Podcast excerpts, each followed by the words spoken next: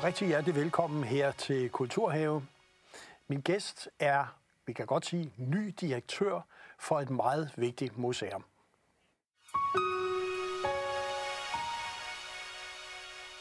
Og rigtig hjertelig velkommen til dig, Janus Møller Jensen.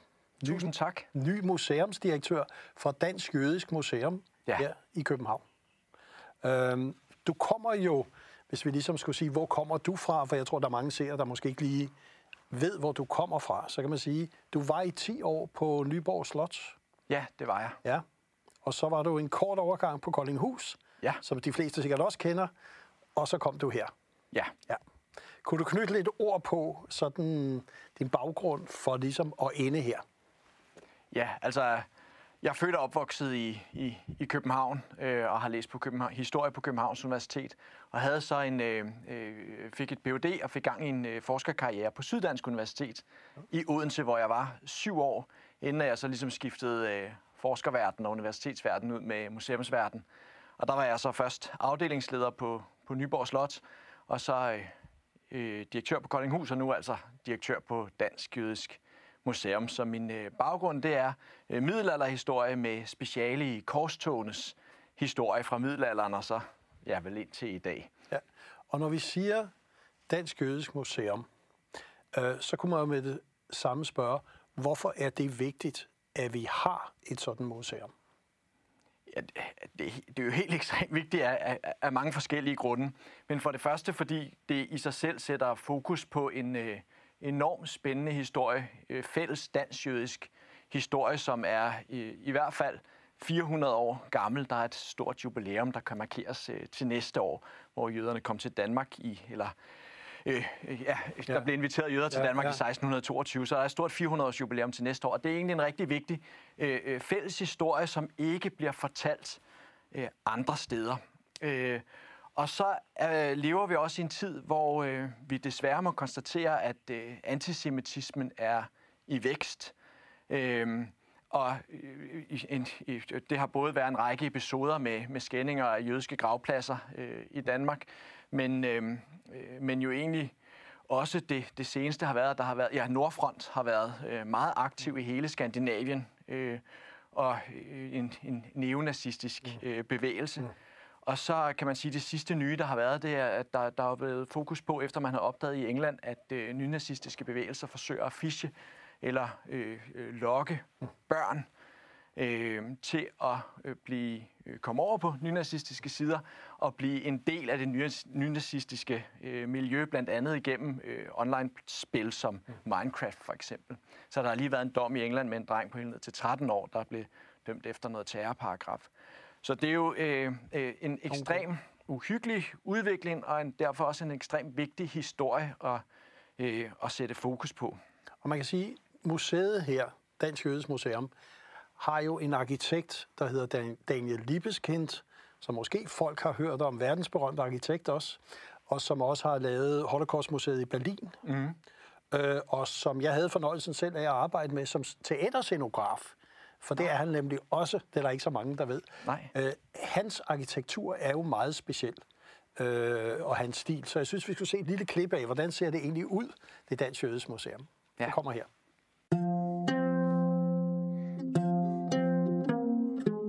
Velkommen til.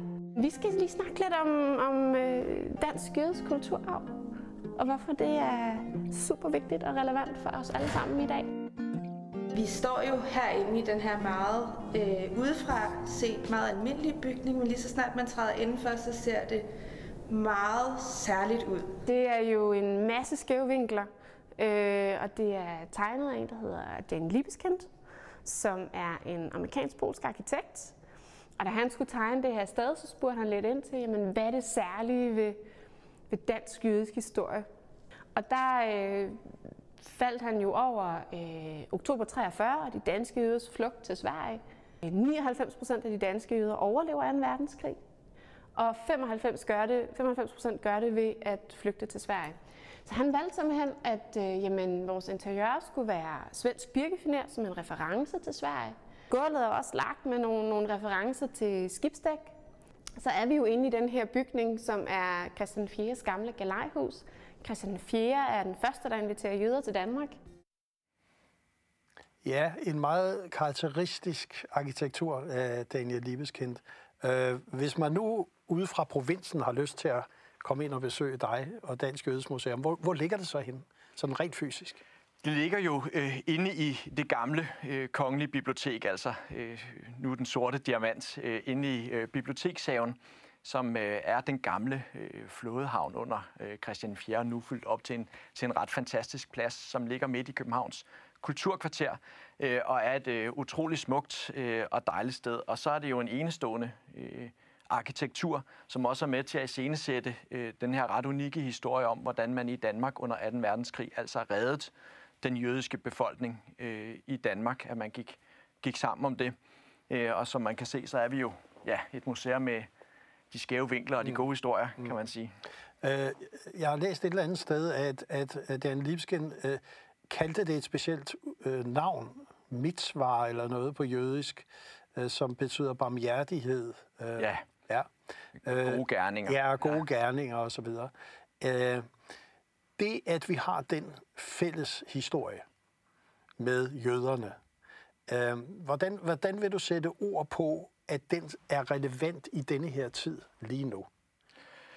Altså, det er jo en, det er jo en øh, øh, enestående historie midt i øh, de øh, frygtelige og dramatiske begivenheder under 2. verdenskrig, der førte til øh, udryddelsen af millionvis af, øh, af jøder, at man har sådan et kapitel øh, i den fortælling, som egentlig handler om, at nogen siger nej øh, og går imod og hjælper med at redde øh, andre mennesker, både som god gerning, men også ud fra en øh, af barmhjertighed. Og den fortælling er derfor helt ekstremt vigtig, også i en stor international øh, sammenhæng. Og det er også derfor, at Daniel Libeskind øh, har lagt så stor vægt på den fortælling og taget øh, den opgave på sig at være med til at skabe rammerne lige præcis, øh, og, eller, eller også i, øh, i Danmark. Øh, og det er jo blevet sådan en meget ikonisk fortælling, kan man sige, om danskerne øh, og om os selv.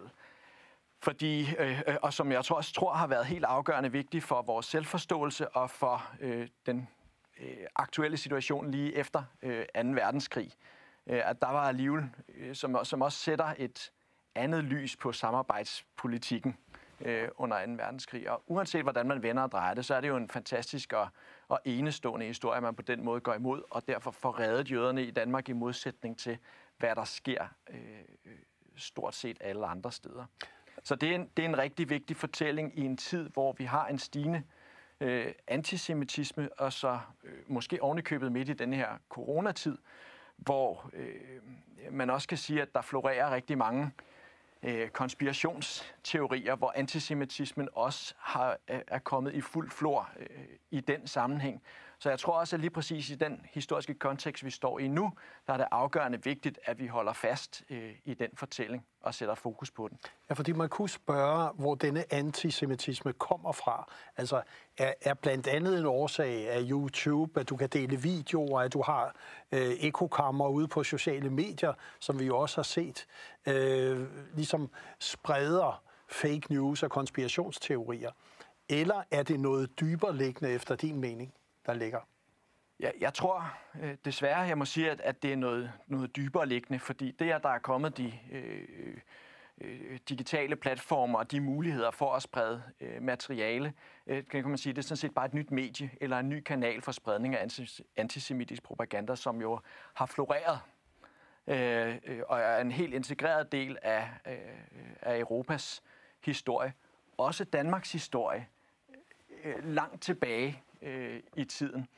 Øh, og hvis man sådan skulle, øh, skulle, øh, altså skulle sætte, det, sætte det lidt på spidsen, så tror jeg egentlig, at man kan sige, at antisemitismen løber som sådan en, en rød tråd eller en understrøm i, øh, øh, i Danmarks historien med navne som, som, som Martin Luther, som øh, var, havde en kraftig antijødisk øh, agitation, som også fik øh, politiske øh, konsekvenser helt tilbage i 1500-tallet, og som har en meget, meget lang øh, virkningshistorie op igennem historien også øh, i Danmark, over andre som Søren Kierkegaard, som også har et stærkt antisemitisk øh, tendens, og Grundtvig for den sags skyld, som jo ellers bliver fremhævet som tolerant og forstående, fordi han mener, jøderne øh, skriver han, øh, er, var jo oprindeligt Guds udvalgte folk, men med Messias komme, så blev det de kristne.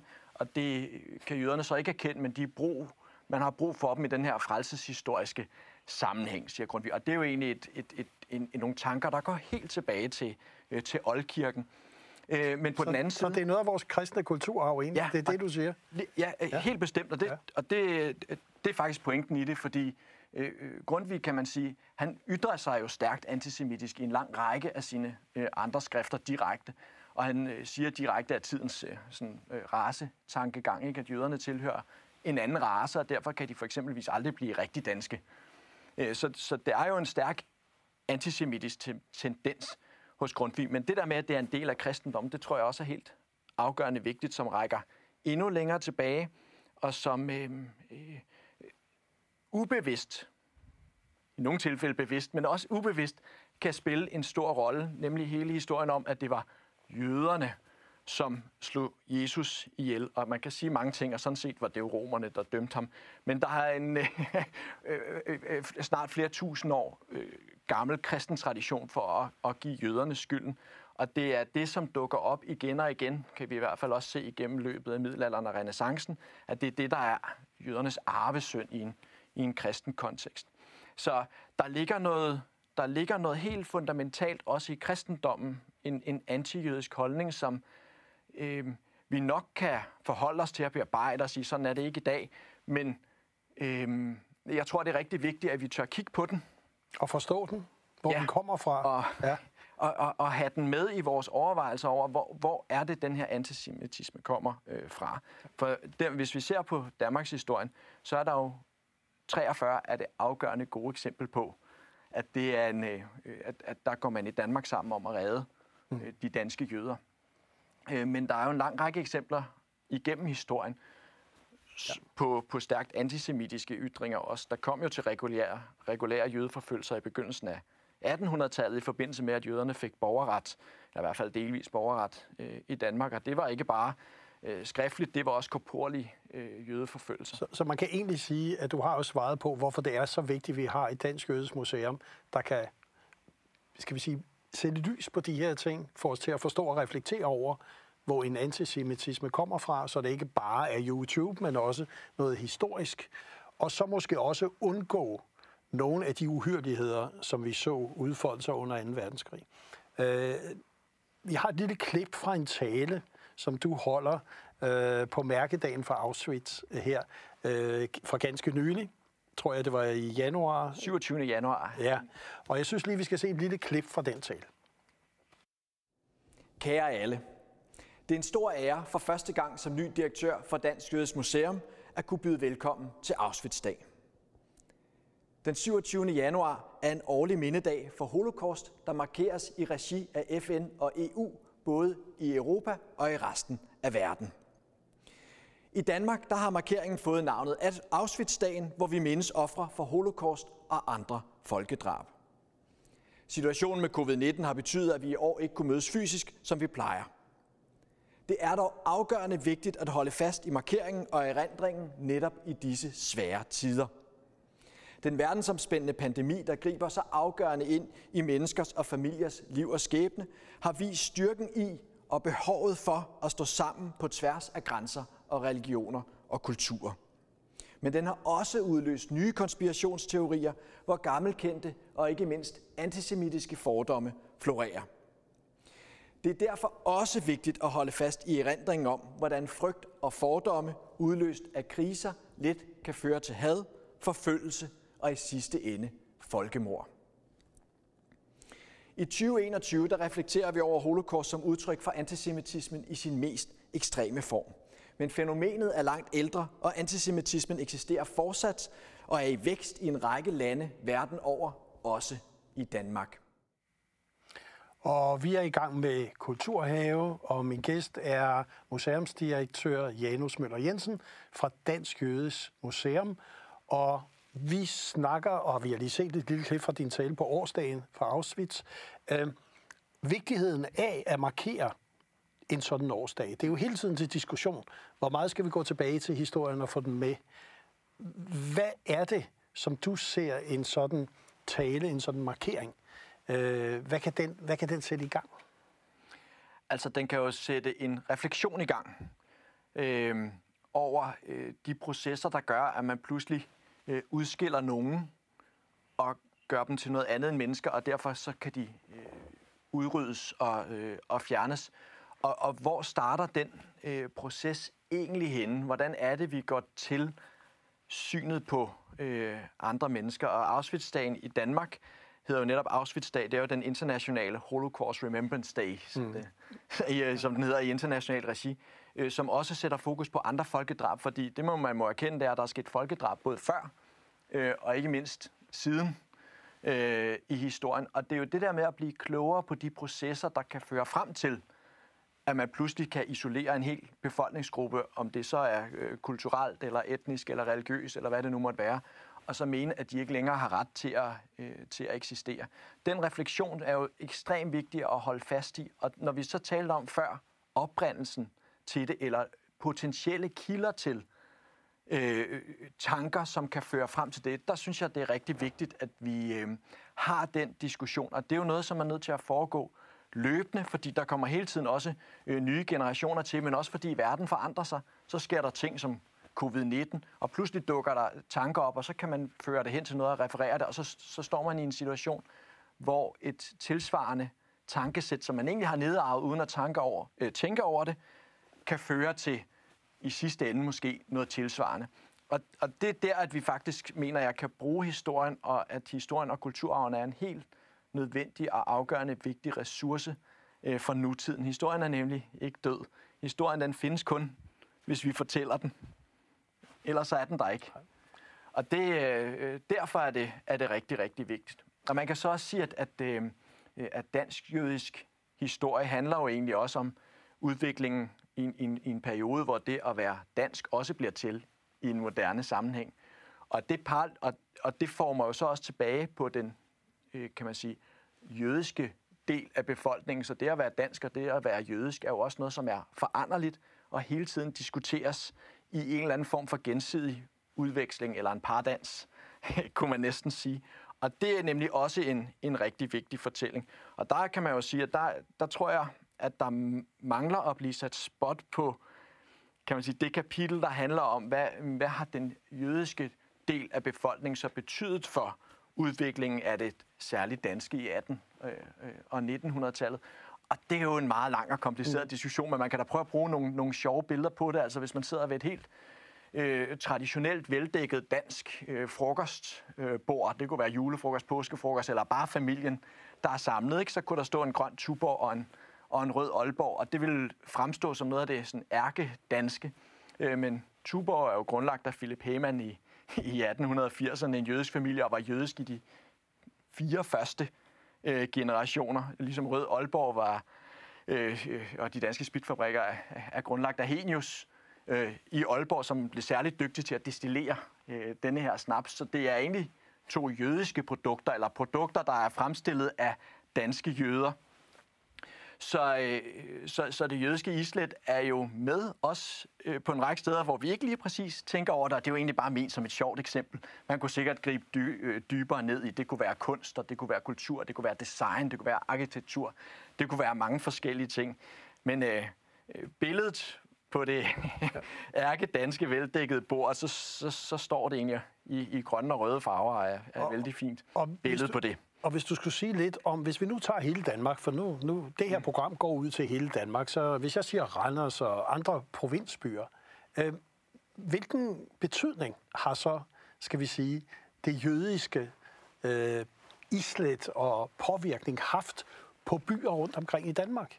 Jamen, altså, det har i hvert fald været øh, langt større, tror jeg, end langt de fleste forestiller sig. Det kan vi jo i hvert fald også bare se ved at, ved at kigge øh, på historien. Fredericia bliver, bliver fristad og bliver sådan en portal for, øh, for mange øh, jødiske familier, der først flytter til Fredericia og derfra spreder sig ud i landet. Særligt i 1800-tallet opstår der jo en række jødiske menigheder, en række større øh, danske provinsbyer, hvor de bidrager aktivt til nogle af de der øh, gazelleøkonomier, kan man næsten tale om, ikke øh, ude, i, ude i, i provinsbyerne, øh, og får øh, både begravelsespladser og synagoger, som ligger der som fysiske spor enkelte steder i landet endnu, som, øh, som sådan et vidnesbyrd om, om, om den fortælling og den påvirkning, som, øh, øh, som den jødiske del af befolkningen har haft på formationen af det, øh, af det moderne Danmark. Så den der historie om provinsjøderne kontra en, en historie, der har mere fokus på København, hvor man så må sige, at de fleste jødiske familier ender med at bosætte sig i sådan et, et, et centrifugalt sug mod København i slutningen af 1800-tallet.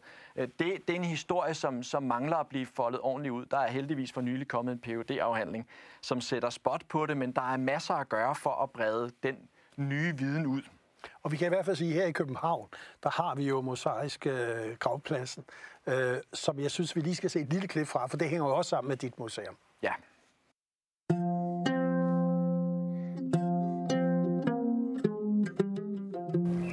Velkommen til. Jeg hedder Sara, jeg kommer fra Dansk Jødisk Museum. Og mit navn er Emma, og jeg er fra Jødisk Informationscenter. Og vi er i dag havnet på øh, Mosaisk Nordre. Nordre Begravelsesplads. begravelsesplads lige præcis. Og det er du jo ekspert i, Sara. Ja. I hvad, hvad det er for en sted, fordi det er jo en jødisk gravplads, vi er ude i. Men det er jo ikke bare øh, jødisk kulturarv, vi står i. Det er jo faktisk også i høj grad dansk kulturarv, vi står i. I allerhøjeste grad. Ja. Fordi jøder jo har spillet så stor en rolle i dansk, øh, både erhvervsliv og kulturliv, og generelt i, i, øh, i, i, i Danmarks historie.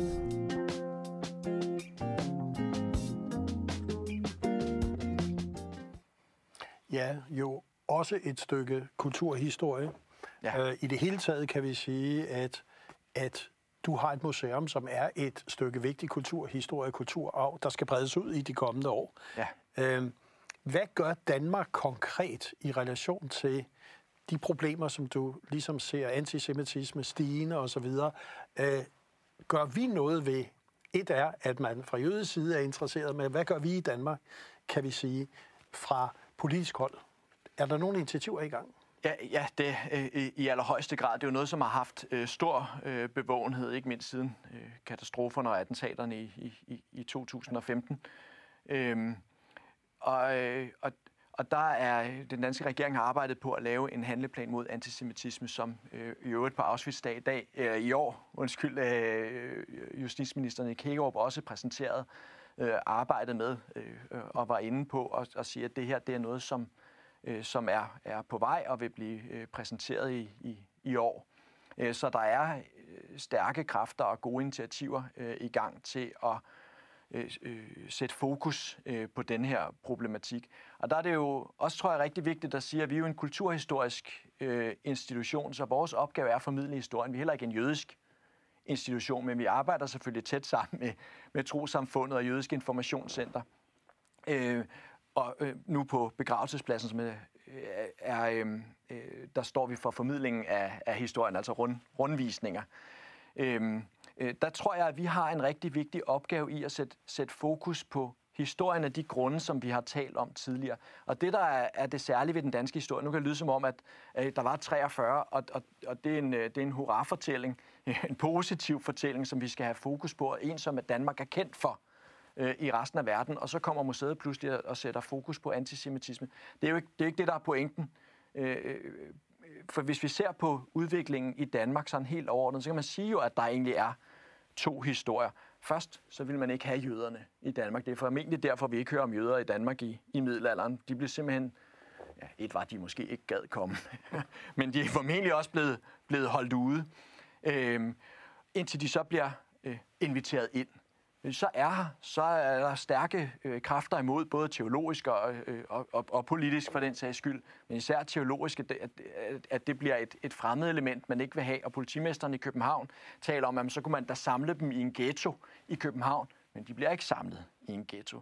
Så er der spørgsmål, om de skal have borgerrettigheder. Der er en stærk modstander, den her litterære jødefejde, som, som øh, gør op med, eller udspringer af den diskussion i 1814, men så får jøderne borgerrettigheder, og de får stemmeret ved grundloven i 1849. Og, øhm, øh, og, og så kommer øh, 2. verdenskrig, og hvor man også i øh, historien, hvis vi ser på de andre skandinaviske lande, er jo anderledes. Men i Danmark bliver de jo, redder man så jøderne på trods af en samarbejdspolitik, øh, øh med, med, øh, som formentlig er forudsætningen for, at det overhovedet kan lade sig gøre øh, at redde de danske øh, jøder. Så man kan sige, der er jo egentlig to spor i den fortælling. Der der er den negative, den antisemitiske historien om jødehadet, og så er der den positive historie, hvor det alligevel går anderledes øh, i Danmark. Og det er et eller andet sted i det spændingsfelt mellem antisemitismen og tolerancen, øh, som to modpoler, at historien så udvikler sig. Og det er der, det er ekstremt spændende, fordi historien er jo ikke lineær eller, eller simpel. Og det er øh, øh forskellige tider reagerer forskelligt på problemet. Og det tror jeg, vi kan lære rigtig meget af at, øh, at kigge på. Og det er det, der er vores fornemmeste opgave som Kulturhistorisk Museum. Og det vil vi glæde os meget til, at de to spor bliver foldet meget mere klart ud til glæde for os alle sammen og vores fælles historie. Tak fordi du kom her i Kulturhaven.